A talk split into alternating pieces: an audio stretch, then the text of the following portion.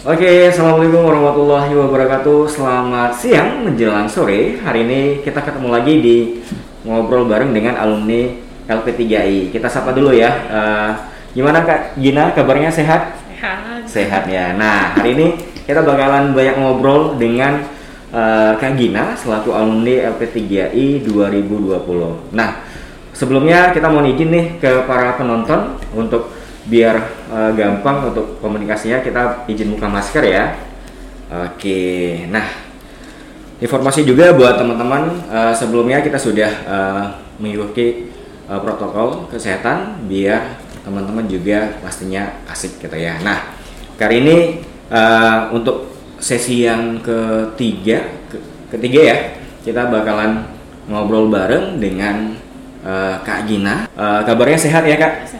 Sehat ya. Nah, kira-kira uh, kemarin kita sudah banyak ngobrol nih tentang uh, akuntansi dan uh, banyak teman-teman yang sudah uh, join juga ya. Jadi mungkin uh, hari ini kita bakalan banyak cerita nih bagaimana awal uh, karirnya Kak Gina dari awal sampai dengan titik ini gitu ya. Nah, mungkin Uh, kemarin juga ada beberapa pertanyaan nih yang sudah kita kumpulkan dari beberapa uh, sahabat kita yang nonton ya, sahabat LP3I. Jadi hari ini kita coba langsung tanya ke Kak Ginanya gitu ya. Nah, uh, mungkin ada beberapa pertanyaan ya.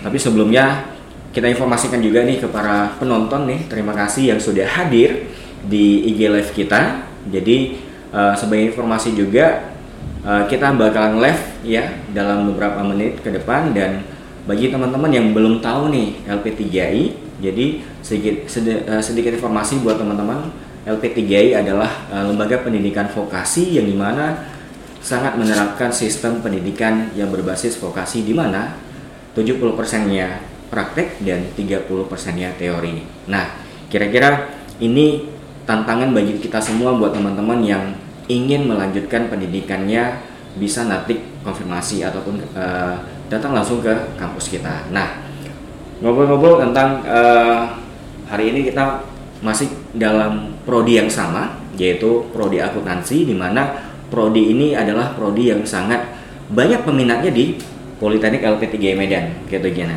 Jadi hari ini Kak Gina datang hadir ingin sharing berbagi pengalaman, pastinya ke teman-teman yang sudah hadir gitu ya. Uh, mungkin langsung aja nih Kak, Kak Gina kita uh, ngobrol asik aja hari ini ya. Ya, oke. Okay, jadi mungkin ada dari teman-teman kemarin ada yang nanya gimana sih Kak uh, apa yang menjadi pekerjaan atau apa sih kegiatannya saat ini kesibukannya apa sih? Mungkin bisa diceritakan gitu Kak Gina. Hmm, kan Uh, kebetulan nih Gina nih kan uh, kerja di Bank Mandiri yang di Tasbi tuh Mm-hmm. uh, penempatannya di Tasbi. Kebetulan Tasbi ini bekerja sama langsung sama Rumah Sakit Adam Malik. Oh, Uh, gitu, Jadi gitu. kan, uh, jadi kami tuh kadang kayak ada beberapa teller yang dibagikan ke cabang yang di Tasbi sama yang di Rumah Sakit Adam Maliknya karena kebetulan di Adam Maliknya juga buka bank tapi mungkin cuma untuk kantor kas doang gitu. Oh, gitu. Nah, jadi karena kemarin itu juga baru ya kan, baru dua bulan, jadi masih ditempatkan sebagai kasir di ada maliknya, tapi yang petugas bank kayak cuman kegiatannya validasi bank doang. Baru rupanya per minggu lalu udah mulai masuk nih vendor dari Mandiri. Iya, benar. Jadinya eh, Gina udah balik lagi nih ke teller, balik Mhm. ke teller, tapi penempatannya masih yang di rumah sakit ada Malik. Adam Malik, ya. Belum yang di cabang Oh, kan, gitu. masih Kalau yang di kalau saat ini sudah di mana? sudah masih ada Malik. Oh, ada masih Malik ada gitu Malik. ya. Tapi ya gitu sewaktu-waktu bakalan bisa ditarik ke cabang. Oh, Jadi kayak gitu. persiapannya aja gitu. Jadi kalau untuk kesibukan saat ini eh, di cabang mana posisi apa sih sekarang? Cabang Tasbih Mhm. posisinya sebagai teller, tapi lagi ditempatkannya dia ada Malik gitu Oh, sih. gitu. Karena dia Siap, kerjasamanya siap, siap. langsung gitu. Jadi dia pasti ke sana gitu. Pasti orang Tasbih tuh sebagian dari teller tuh pasti akan ada yang ke sana. Hmm, gitu ya. Jadi itu eh, sebagian aktivitas yang hari ini sudah eh, Gina jalani Iya. ya. Sudah berapa lama nih? Kalau se- kerja di mandirinya Mhm. udah dua bulan. Dua bulan. Mm-mm. Oke. Baru Nah, sih. baru ya. Iya. Tapi pasti banyak pengalaman-pengalaman yang sudah Gina eh, dapatin ya dari mulai proses awal hingga di titik ini. Iya. Gitu. Nah, seru banget nih. Udah eh, kira-kira Gina bisa nggak diceritain ataupun dibagikan nih ke para penonton Mm-mm.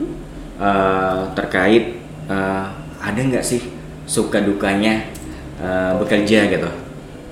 Em, sukanya ya karena pegawai BUMN kali ya jadi kayaknya lebih suka gitu tapi kalau dukanya ya Taylor itu mesti siap pulang malam Oh, gitu ya? dia pasti pulang malam gitu jadi kalau bahasa anak bank itu eh, pantang pulang sebelum matahari terbenam Oh, gitu sih.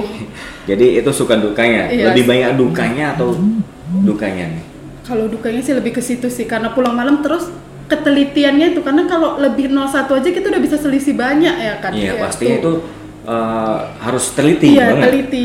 Dibutuhkan kecepatan mengetik tapi juga harus ini tepat gitu karena nomboknya itu kalau udah selisih parah kali Parah sih. ya. Iya. Pernah nggak ngalamin hal yang kayaknya keteledoran gitu? Kayaknya semalam hampir hampir, kali. Berapa berapa nominal? Eh, dia narik satu juta delapan ratus lima puluh, Mhm. Malah terinputnya delapan belas juta lima ratus. Aisyah. Tuh kayaknya Itu- udah kayak teguran gitu tuh. itu mah lebih hati-hati gitu. Waduh, itu bukan nilai yang sedikit Iya. ya. Dan itu pengalaman yang ke depannya kayaknya aku harus teliti lagi. Iya. gitu. Nah, buat teman-teman juga nih, apalagi ke depan nih kalau pilih jurusan akuntansi itu yang paling diutamakan ketelitian. Iya. Ya, kalau salah input nominalnya dari 1 juta ke 8 juta dan itu eh, berbalik ke kita Iya. kan agak gimana Iya. gitu ya. Pastinya ke depan kita mikirin kerjaan kita nggak nggak tenang gitu ya. Nah jadi mungkin eh, itu jadi pengalaman sampai saat ini ya Gina. Iya, beneran pengalaman kali sih. Atau masih kebawa ke dalam kondisi pekerjaan saat ini gitu. masih terbawa sih kadang kayak memastiin lagi kan "Ih, pas nggak ya pas nggak ya jadi kan kalau terlalu lama juga nasabah yang lain terbayang ngantri kan jadi ya udah tetap diperhatikan juga sih kecil itunya nol nolnya itu Mhm. itu kayaknya menentukan kali lah. Karena yang bikin masalahnya itu kalau kita selisih kita nggak taunya di hari itu. Benar. tapi kita taunya di sorenya terus pas kalau kalau iya nasabahnya mau mengembalikan Benar, uangnya benar. kan ini enggak- nanti eh, susah lagi cari CCTV-nya lagi baru membujukkannya lagi. Ih, kayaknya ribet lah gitu. Membayangkannya aja udah kayak wah jauh-jauh lah dari selisih gitu Benar. Jadi itu teman-teman sedikit informasi juga ya yang bisa kita petik gitu ya. Jadi keliti- eh, teliti itu harus sangat dimiliki oleh para akuntansi Iya, gitu ya. Oke, selanjutnya Kak Gina ada pertanyaan lagi nih. Kira-kira eh, nah untuk bisa lancar nih di bidang kerja yang saat ini itu kira-kira eh, Kak Gina harus memiliki skill apa sih biar bisa eh, fighting banget di eh, skill ataupun untuk kerja yang sekarang gitu skill apa sih gitu kalau skill kayaknya kalau ke Taylor, lebih ke skill komunikasi kali Komunikasi ya? ya karena kan kita bertemu sama orang baru itu Benar. terus kita nggak tahu dia usianya berapa Iya. gitu kayak kan kita lebih butuh "Eh, baik pak gitu kan bukan kayak meskipun kita nih lagi nggak mood tiba-tiba di rumah iya. nggak bisa kita bawa tuh ke kerjaan karena Ah. Ah, oke lah nasabahnya kadang ngerti kadang kalau enggak ya jangan kayak gitu loh mbak bisa dia laporin ke kepala cabang Bener. karena SP juga ya Bener, kan bener. itulah jadi kayak kayaknya skill komunikasi itu paling penting lah kayaknya kalau untuk Taylor Oke, artinya kalau dulu nih kita flashback kembali nih Iya. di perkuliahan dulu. Kira-kira ada nggak diajarin gitu? oh ada kemarin itu uh, public speaking Public speaking. iya public Oke, speaking dengan dosen siapa? Masih ingat?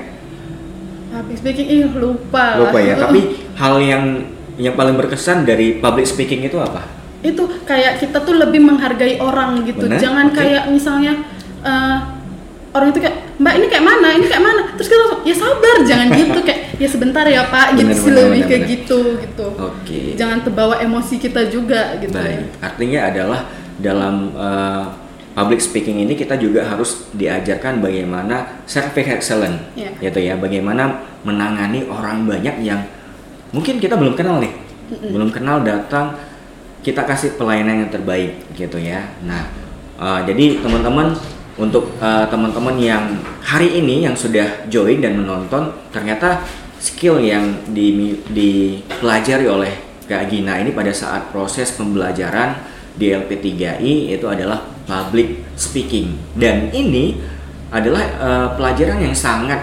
dicari saat ini Kak Iya. Kak Gina. Kenapa? Untuk berkomunikasi kita harus eh, lancar bagaimana ke depannya orang-orang bisa memahami dan bisa membaca karakter orang yang belum kita kenal Iya, betul. gitu ya nah itu kayaknya sampai sekarang atau pengen belajar lagi nih Iya rasanya kayak pengen belajar lagi kayak nyesel gitu ya dulu main-main gitu. Kenapa Gitu dulu ya. kuliah kan nggak mikir kayak gitu ya kan, Mm-mm. main kesenangannya aja. Bener. Dosen ngejelasin main IG gitu di belakang. ya ampun. Kayaknya baru sekarang ngerasain gitu. Oke. Nah, eh, oke pertanyaan selanjutnya nih Kak, Kak Gina, kira-kira boleh dong dibagikan ke teman-teman nih yang sudah yang sudah hadir, yang baru hadir, eh, mata kuliah apa sih yang sampai sekarang nih masih teringat terus dan eh, berguna banget pada saat Kak Gina saat ini bekerja di posisi sekarang. Kalau mata kuliah yang paling diingat itu sih akuntansi biaya. Mm-mm. Eh, karena yang bikin ingatnya itu karena bikin sampai nggak tidur gitu loh. Kalau Oke. ngerjainnya itu kan kayak ya ampun ini eh, jawab ini satu soal tapi kok jawabannya banyak panjang kali sampai Beranak pinak gitu iya, ya. beranak pinak sampai kayak kadang kami satu kelas itu ada bikin grup ya grupnya bahas itu. Cuma Ini gitu. kayak mana? Ini kayak mana? Karena kan kadang dosennya buat sesuai NIM, Iya. nomor ganjil Oh. genap. Jadinya makin bingung Oh, gitu. gitu kan. Itulah. Tapi kalau pelajaran yang berguna untuk kerja tuh komputer sih. Komputer. Kenapa Karena- itu? Karena kan kita sebaiknya mesti menguasai dasar-dasarnya ya kan. Benar. Eh, kayak Microsoft Excel-nya kayak mana Hmm. caranya gitu. Terus sama kecepatan kita mengetiknya itu sih yang paling Typing ya? penting ya. Typing gitu. Karena kebetulan kan gina akuntansi itu nggak ada sih dipelajarin. Mm-mm. Tapi karena kebetulan memang kemarin itu angka juga kan di Hmm. jadinya kayak udah agak terbiasa Iya, juga. eh, seperti di kalkulator Iya, gitu, ya. Nah, jadinya kayak udah mulai ngerti lah angka-angka itu di mana Mm-mm. gitu. Artinya kalau kalau di pejam matanya bisa lah ya. Iya bisa sih sudah mulai bisa kayaknya karena mulai bisa itu ya. itu terus gitu benar, kan. benar. Jadi eh, tata letak itu sudah paham Iya. di mana angka 2, 3 Iya. gitu ya. Uh. Nah, benar banget. Ya. Jadi eh, berarti yang paling berguna adalah tadi pelajaran Komputer. komputer. Itu. Selain itu kira-kira ada lagi nggak yang memang eh, membantu banget Gina saat ini? Dulunya pelajaran. Lebih ke akuntansi kali ya. Akuntansi. Karena kan uh, kita mesti tahu kayak mana uang itu keluar sama uang Mm-mm. itu masuk kan. Baru itu dia entah uh, meminjamkan kredit kah, Mm-mm. entah meminjamkan sebagai langsung dipotong ke itunya. Itu kan juga penting karena kasih itu dia mengurangin apa. Kalau misalnya dia bertambah kan berarti dia ke debit Benar. gitu sih. Itu sih yang paling penting kayak mesti ada dasar akuntansinya. Dasar banget Iya, ya. dasarnya itu. Yang kadang dasarnya juga lupa Mm-mm. semester 1 kan. Iya. Jadi kayak mungkin bisa dipelajarin lagi gitu karena itu kerjaan paling penting Itu yang paling penting. paling penting kayaknya. paling penting saat ini ya. Nah, coba kita flashback dulu ke belakang gitu ya. Gina kan kemarin sempat ngambil yang namanya jurusan akuntansi. Akuntansi. Kalau boleh kakak tahu nih, kenapa sih pilih jurusan ini? Kalau alasan pilih jurusan akuntansi itu karena prospek kerja akuntansi itu banyak ya kan. Mm-mm. Setiap perusahaan pasti bu- butuh untuk akuntansi untuk menghitung keuangan dia yang satu periode gitu kan. Iya. Jadi kayaknya itu yang paling penting. Itu paling penting Iya. gitu ya. Nah, ya udah makanya masuk ke situ gitu. Dan lagi juga nggak suka ke kayak misalnya yang membaca aja gitu. Mm-mm. Kayaknya kan kalau menghitung kita udah pasti itu pasti Oke, jawabannya. hitungan pasti Iya, ya. itu pasti Iya. gitu. Paling berhadapan dengan balance dan nggak balance-nya aja. Benar, itu pasti pasti dihadapi gitu. itu.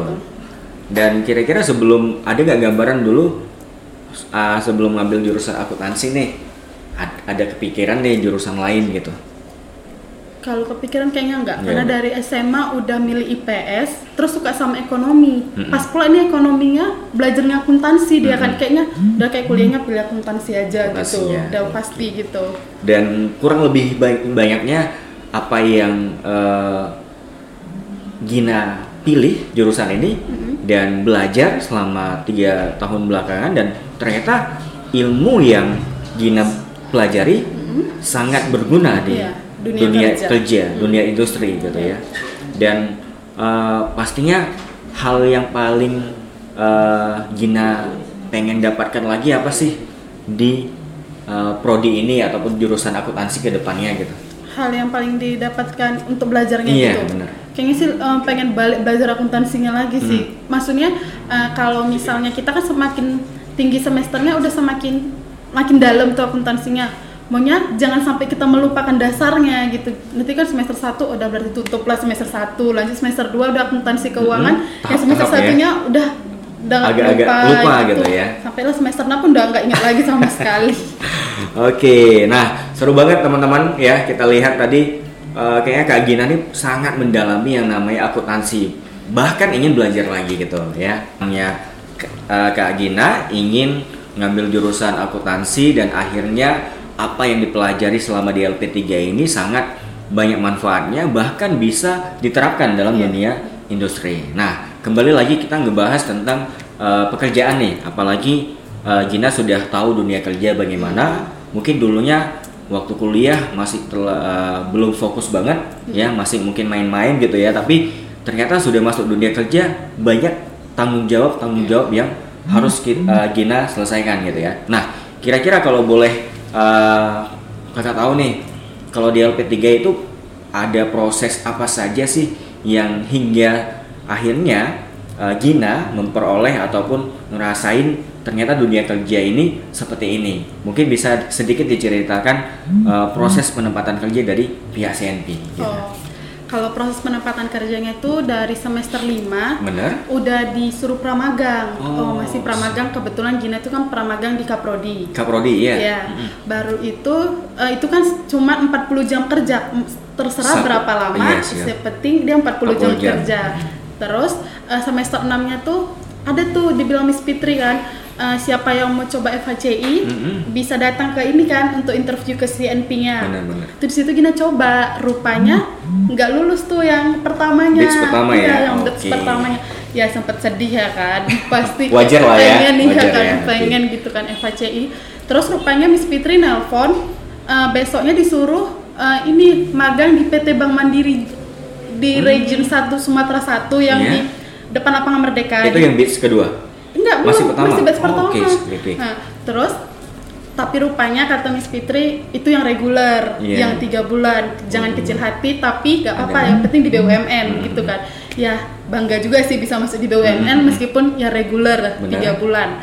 Rupanya pas udah siap di tiga bulannya, Bank Mandirinya minta ajukan banding gitu mau Hmm. naikkan ke FHCI aja langsung kan rupanya kayak ada miskomunikasi antara Miss Fitri dengan Bank Mandirinya kayaknya orang Bank Mandirinya udah sempet merekrut untuk FHCI-nya lain. Oh, jadinya gitu, kalau mau diperpanjang tapi bukan FHCI Miss Fitri nggak mau Mhm. jadi yaudah disuruh Miss Fitri selesai aja rupanya pas bulan 12 siap akhir bulan Januari dipanggil Miss Fitri Oke. untuk magang FHCI di Pelindo 1 Pelindo satu ya. yang di Oke. Belawan. Ya, terakhirnya magang di Pelindo sebagai FHCI masuk di bulan 3 Itu di posisi apa di sana? di bagian perpajakan. Perpajakan. Di Selama?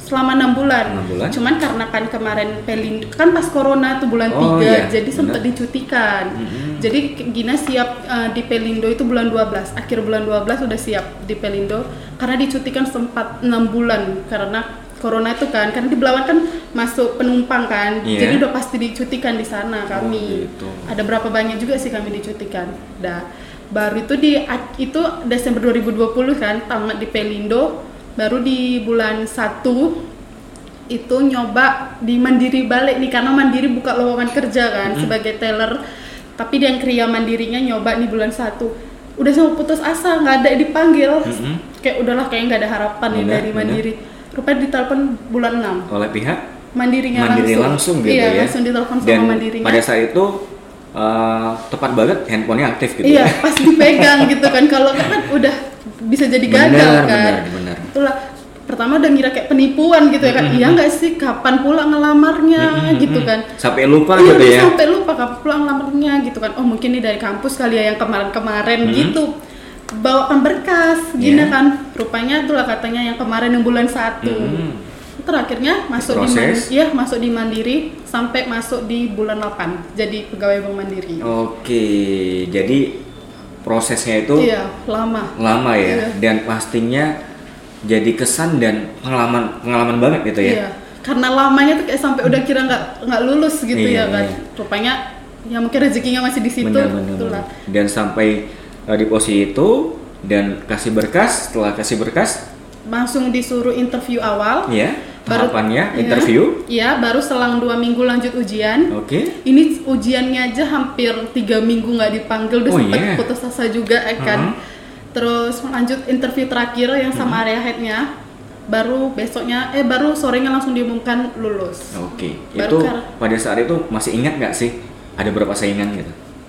Ada sekitar 30-an ya Wow. karena kami ber 30-an itu di hari Gina belum yang di hari Oh, semalamnya benar, benar, gitu kan. Jadi Ah. Gina kira oh saingannya cuma 30 gitu kan. Hmm. Rupanya begitu dikumpulkan semua rupanya banyak gitu kayak ada nggak ya harapan buat lulus Hmm. Benar. kayak gini? Rupanya terakhirnya lulus juga. Dan ya. dari beberapa orang itu yang hanya lulus berapa? Kami ada 10 orang yang lulus. 10 orang Iya. dari banyak ya. Iya, dari banyaknya untuk Wow. Nah, teman-teman, kita bisa lihat ya apa yang disampaikan oleh Kak Gina tadi butuh proses, butuh perjuangan ya. Kalau teman-teman nggak yakin dengan proses, itu pasti nggak jadi, Iya. gitu ya. Dan pasti ada uh, suka dukanya nih Iya. dalam proses ini. Sempat tadi Gina sampaikan sempat putus asa, Iya. gitu ya. Sempat, alah sudahlah ini mungkin belum rezekinya, Iya, gitu ya. Tapi gitu. ternyata ada panggilan telepon yang uh, mengangkat semangatnya Gina lagi untuk coba lagi gitu Iya. ya. Nah, jadi uh, pesan yang bisa diambil dari uh, Gina uh, sampaikan tadi adalah tetap uh, semangat ya dan teman-teman satu hal yang terpenting juga yang uh, uh, ingin aku sampaikan adalah teman-teman kalau melamar kerja siapkan CV yang bisa dilihat menarik oleh pihak HRD ya dan pastikan nomor handphonenya itu selalu aktif ya karena kita nggak tahu nih kapan uh, bagian perusahaan nelpon Iya, kita betul. kita nggak nggak bisa nentukan mungkin jam 8 sampai jam 4 mungkin bisa jam 5 Iya, sore benar. ataupun malam gitu kan hanya untuk ngobrol aja dan ternyata dari obrolan itu oh udah keterima kamu udah bisa kerja gitu ya apalagi di zaman sekarang teknologi ini sangat uh, membantu teman-teman untuk melamar up uh, lamar lamaran kerja ke perusahaan-perusahaan yang memang teman-teman sudah uh, lihat sebelumnya nah luar biasa banget nih uh, aku dengar tadi dari Kak Gina dari proses awal sampai dengan lamar ke sini selesai terus FHCE juga banyak uh, perjalanannya Iya, betul. dan mungkin yang berkesan ataupun dari HVC ini yang paling masih diingat prosesnya apa sih? proses untuk perekrutan ke FHCI-nya. Hmm. Karena kemarin itu kan magang regulernya libur kuliah. Mm-mm. Jadi pas pula pas magang di Pelindo itu hari pertama kuliahnya. Oh iya. Jadi kan bentrok nggak itu? sempet bentrok. Bentrok ya? Cuman mungkin uh, karena ada dipermisikan Miss Fitri kan dari dosennya jadi masih bisa Hmm. masih bisa masuk. Tapi pas hari pertama magang itu yang betul-betul kayak masuk kuliah jam 5 Iya. Baru tuh pulang dari sana jam 5 Oke. jadi nyampe di sini habis maghrib. Oke. beneran habis maghrib terus dibilang Gina bilang nama Miss Lela kebetulan. Miss Gina minta maaf ya Gina dari Belawan. Gina bilang gitu kan. Kebetulan di situ juga uas pas uas jadi kayak untung dimaklumin gitu dosennya. Ya udah karena magang di Belawan kan Bener-bener. wajar. Ya udah nggak apa-apa lanjut kuliahnya gitu. Tapi ya absen satunya itu di depan ya nggak ditandatangani kan karena belum dateng gitu.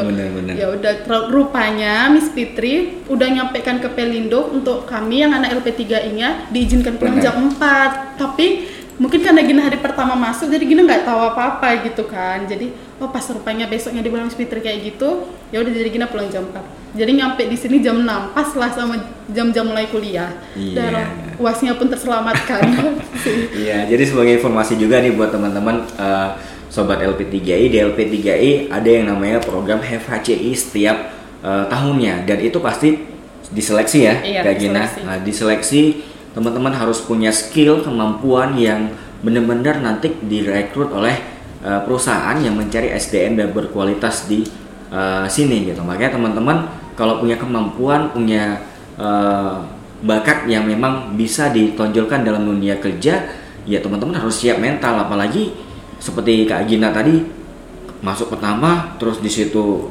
ada ujian juga Iya. ya, dan eh, pasti itu mental kita di di Kayak apa namanya? diuji. Bener banget diuji banget. Aku bisa nggak ya? Iya. Aku bisa nggak ya gitu ya?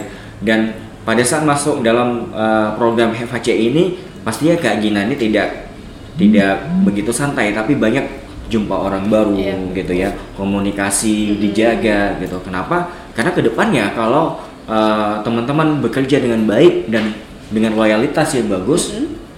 bisa dipastikan mungkin perusahaan melihat, oh ini bisa nih kerja Iya. gitu ya dan pastinya nanti kalau kita sudah punya banyak pengalaman kerja dan kerja kita baik ya eh, dengan niat yang tulus itu pasti orang ingat dengan apa yang kita Iya. lakukan Iya. gitu ya. Nah, bisa menarik kita juga benar banget dan banyak pengalaman yang mungkin eh, mahasiswa kita dikontrak setahun dua tahun terus berhenti mungkin karena fokus TA iya mungkin udah ada uh, MOU misalnya Iya. udah selesai kamu balik lagi ya Iya, gitu bisa. ya bisa ya Bisa kayak Nah, gitu. benar nah jadi itu yang uh, bisa uh, kita ambil pelajaran dari obrolan dari Kak Gina ini adalah tetap semangat ya uh, jalanin apa yang menjadi menjadi keputusan teman-teman pada saat uh, menghadapi proses FHCI Iya. gitu ya pastinya tidak hanya tidak seperti ngembaliin telapak tangan gitu ya. Iya. proses FHCI ini harus siap di berkas mahasiswa kita harus siap. Berkasnya itu bukan hanya standar tapi harus memang berkualitas gitu. Disiapkan berapa, berapa banyak gitu ya. Ada sampai 10 iya 10, berkas. ya 10 berkas itu. Jadi di LP3I ada proses namanya FHCI dan proses penempatan magang dan kerja.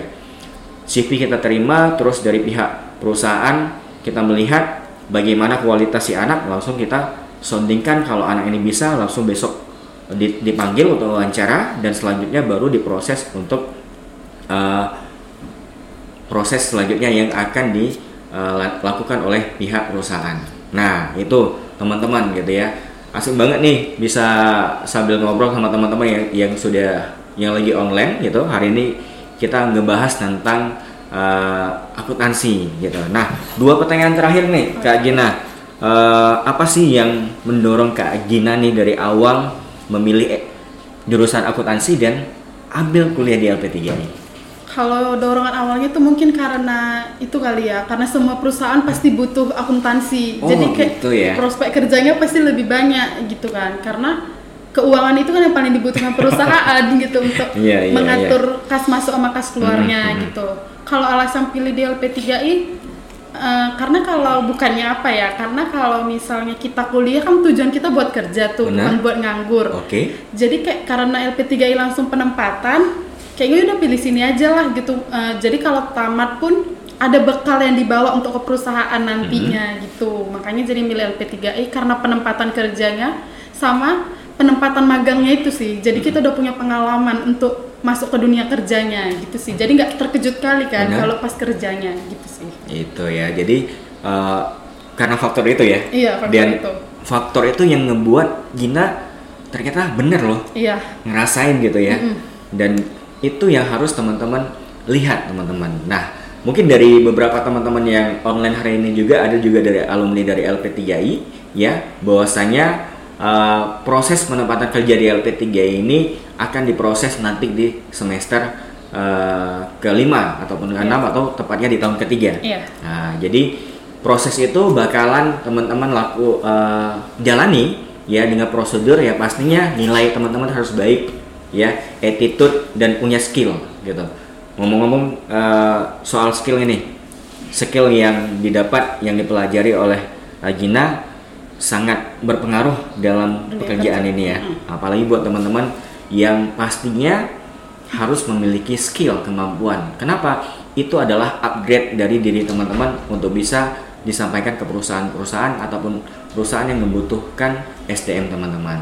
Nah, jadi itu teman-teman. Nah, terakhir ini Kak Gina mungkin bisa dibagikan nih beberapa tips ya eh, untuk selalu bisa semangat kuliah dan bisa cepat lulus dan bisa cepat diproses magang hingga di- ditempatkan kerja. Ya, selam. Mungkin tipsnya ya jangan main-main kali ya. Mm-mm. Kalau belajar itu terasanya nanti itu pas kerjanya. Kalau sekarangnya ya kayak yaudahlah masih bisa main-main. Tiba kerjanya kayak ya ampun dulu kayaknya main-main padahal ini yang dibutuhin gitu. Baru terasanya sih sekarang Benar, gitu kan. benar. Kalau misalnya apa tuh jangan takut untuk mencoba. Kan kita harus coba setiap peluang. Benar. Siapa yang tahu peluang itulah rupanya jalan rezeki kita. Gitu Oke, sih. sip. Itu aja ya? Iya, itu Oke, aja sih. baik. Jadi teman-teman tipsnya luar biasa. Jangan pernah takut mencoba ataupun teman-teman nggak usah takut gagal, gitu ya. Gagal itu proses untuk teman-teman evaluasi ke depannya, gitu ya. Jadi eh, luar biasa banget ya.